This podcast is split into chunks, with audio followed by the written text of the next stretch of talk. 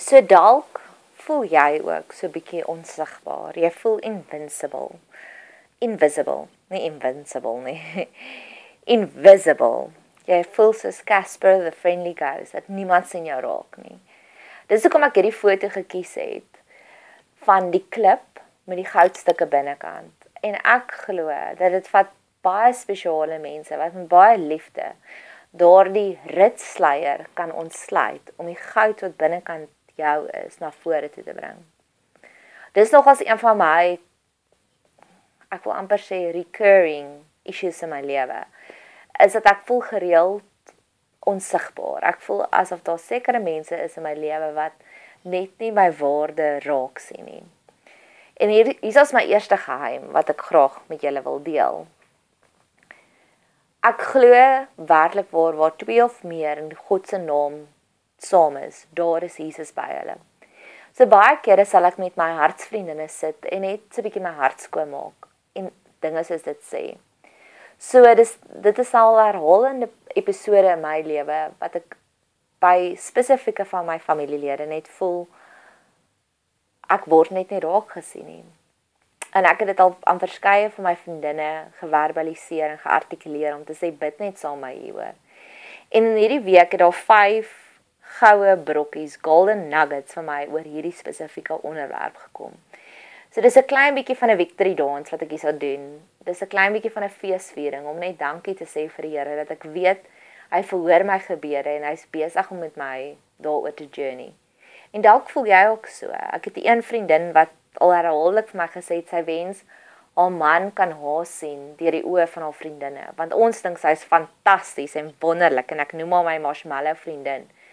En haar sal kere wat sy vir my gesê het sy wens net ander mense kan haar ook raak sien deur ons oë. So dalk voel jy ook so. Dalk is dit 'n baas wat jy nie raak sien nie, wat nie jou waarde raak sien nie. Dalk is dit jou eie familie, dalk is dit jou man, dalk is dit jou kinders. Dalk is dit jou bure. Maar weet net daar is hoop in die einde van die donker tonnel. My eerste een is my gunsteling storie. Ek het 'n diplomatisiese vriend of wat in diplomatisiese kringe beweeg. En hy het nou onlangs op 'n roadtrip gegaan in Suid-Afrika met sy diplomatisiese nommerplate. En iewers naby die Swaziland grens het die weermag daar gestaan en hulle het 'n padblokkade gehou. En toe trek hulle hom af en sy eerste versoek was hulle wil deur sy bagasie gaan. Net ek weet nie wat dit hulle gesoek nie, het hulle gewere gesoek, het hulle dwelms gesoek, ek weet nie.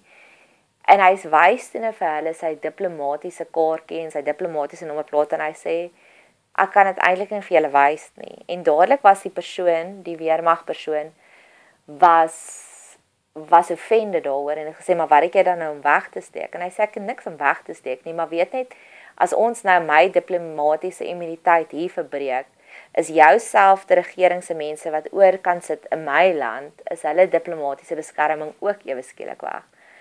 En dit het lang woorde gevat en eventually het sy toe nou vir een van haar kollegas gaan vra en die kollega het gesê maar eintlik is hierdie persoon reg. Ons mag nie hulle deursoek nie omdat hulle diplomatisiese nommerplaat het en hulle het gaan ry en hy het van die storie vertel en ek het En ons het lank daaroor gesit en gesels. En toe sê ek vir hom maar ek dit maak vir my sin want hier in Pretoria en Gauteng is hier baie diplomatisiese voertuie wat hier rondry. Maar ek neem aan daar waar sy sit naby die Swaziland se grens, ken sy nie so baie diplomatisiese karre nie en sy sien nie so baie diplomatisiese nommerplate nie. En dit het my net laat dink dat dalk is die persone in ons lewens wat ons nie raak sien nie. Dalk is hulle soos die weermag sergeant wat sit in Swaziland se grens en hulle weet nie eintlik hoe om ons raak te sien nie want hulle het net nog nie baie blootstelling gehad vir mense soos ons nie. Die tweede storie wat ek het, en hierdie is al iets wat ek al by my eie persoonlike familie vir hulle gesê het, ek is baie uitgesproke. Weet nie of ken jy die liedjie van I'm an alien, I'm a legal alien nie en dan sê ek vir hulle Partykeer voel ek by julle soos dit. Ek voel soos die alien en julle almal is die mense en ek is die alien en ek voel weird by julle. En die eerste keer toe ek die storie vertel het om te sê dis ook baie keer voel, was dit nie baie goed gevat nie. En dit was nie baie goed aanvaar nie. En in die week toe ek dit weer vir 'n vriendin van my na maande nadat ek dit die eerste keer vir my familie gesê het, toe ek dit vir my vriendin gesê en sy het so lekker gelag en sy het vir my gesê ek hoor wat jy vir my sê. En die volgende dag kry ek hierdie kort voice note van haar en sy met hierdie opgewonde WhatsApp om te sê dit het nou net in my kar gespeel en dit sy die liedjie gevoice record toe dit gespeel het. En dit was vir my so 'n lekker en 'n aangename oomblik dat die eerste keer toe ek dit gesê het, het ek amper effens raas gekry. En die tweede keer toe ek dit gesê het, want ek voel nog steeds so. Het hierdie persoon net gehoor nie, God het die volgende dag vir haar bevestiging gegee.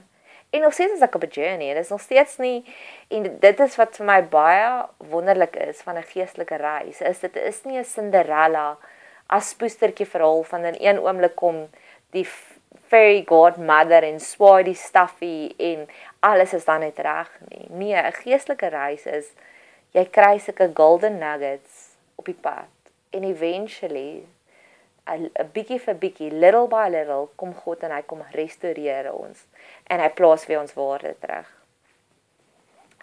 Ek het hierdie storie ook gehoor en dit het al vir my baie sin gemaak. Dis eintlik 'n grappie van hierdie mense wat intrek in 'n nuwe huis in. En hulle sien elke dag sien hierdie vrou haar bure was wasgoed en dan hang hulle die wasgoed op die draad en dan sê die vrou vir haar man Kyk hierdie simpel buurvrou. Haar was goed is nog vuil. Hoekom hang sy vuil wasgoed op die draad? En so het dit aangegaan vir dag vir dag en elke dag het sy uitgefriek teenoor haar man van hoekom hoe kan iemand so dom wees om vuil wasgoed op te hang? Sy moet mos nog steeds die wasgoed was totdat dit skoon is. En een oggend toe word sy wakker en toe sê sy vir haar man: "Jy sal nie glo nie, iets verskrikliks het gebeur. Vanoggend toe ek uitkyk, toe sien ek maar wasgoed is skoon. Dit is so wonderlik." Toe sê man: Nee, ja, wasgoed was die hele tyd nog skoon. Ek het net vroeg opgestaan om jou venster vir jou te was en nou kan jy duidelik daardeur sien. En baie kere glo ek ook baie mense kyk met vuil vensters na ons. En hulle kan nie ons skoonheid sien nie want al wat hulle raak sien is hulle eie vuilheid. En dis daar waar ons net regtig vir hulle kan bid om te sê Here, kom en maak hulle oë skoon. Daar is ook Jesus sê ook.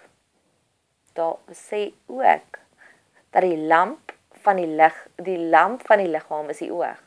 En as die oog eers vuil is, sê so ons kan net vir mense bid.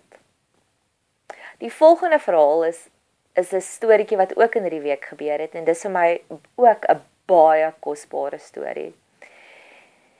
Een van my vriendinne wat 'n baie invloedryke persoon is, en wie se opinies ek regtig vir baie hoog ag en in haar jong lewe het sy al regtig vir groot mylpale bereik.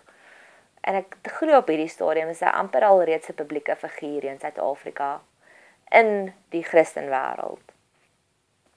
Ek het in die week het sy vir my 'n boodskapie gestuur om dankie te sê vir iets anders. En toe sê sy net so terloops, sy sien op Instagram dat ek sien God in alles en dis die blessing wat sy vir my wil uitspreek is dat ek nog meer God sal sien en ondervind in alles wat ek aanpak. En ek het seker vir 'n week lank gevat voordat ek kon terug antwoord op daai boodskap want daai boodskap het soveel gewig vir my ingehad om te dink hoe wow is dit dat iemand vir wie ek soveel waarde het she notices me En sy weet nie eers van hierdie hele struggle, hierdie hele storm waarin ek tans is om te sê maar hoekom kan my eie familie my nie raak sien nie? En met soveel vrouens wat ek journey om te sê wat dieselfde probleem met my uitspreek, om te sê sy wens net haar man wil haar sien deur die oë wat ons haar sien. En dit laat my dink aan Dawid het geskryf My moeder en my vader het my verlaat, maar God was by my. En dis hoe ek God sien keer op keer. Partykeer verander hy die mense se harte dat hy dat hulle ons kan raak sien, maar meeste kere sien hy stuur hy ander mense oor ons pad wat vir ons die liefde gee, wat vir ons die aanvaarding gee wat hierdie mense veronderstel is om te gee. En weet jy wat? Dit voel eintlik baie beter hierdie rande mense. Op die einde van die dag glo ek ons almal kry elke dag bakstene en dis ons keuse. Gaan ons 'n toring van Babel bou, 'n self ego-gesentreerde monument of gaan ons plekke bou waar mense veilig voel by ons en waar mense aanvaard voel? Ek hoop hierdie 5 stories van my bemoedig jou wanneer jy ook bietjie onsigbaar voel in die mense in jou lewe.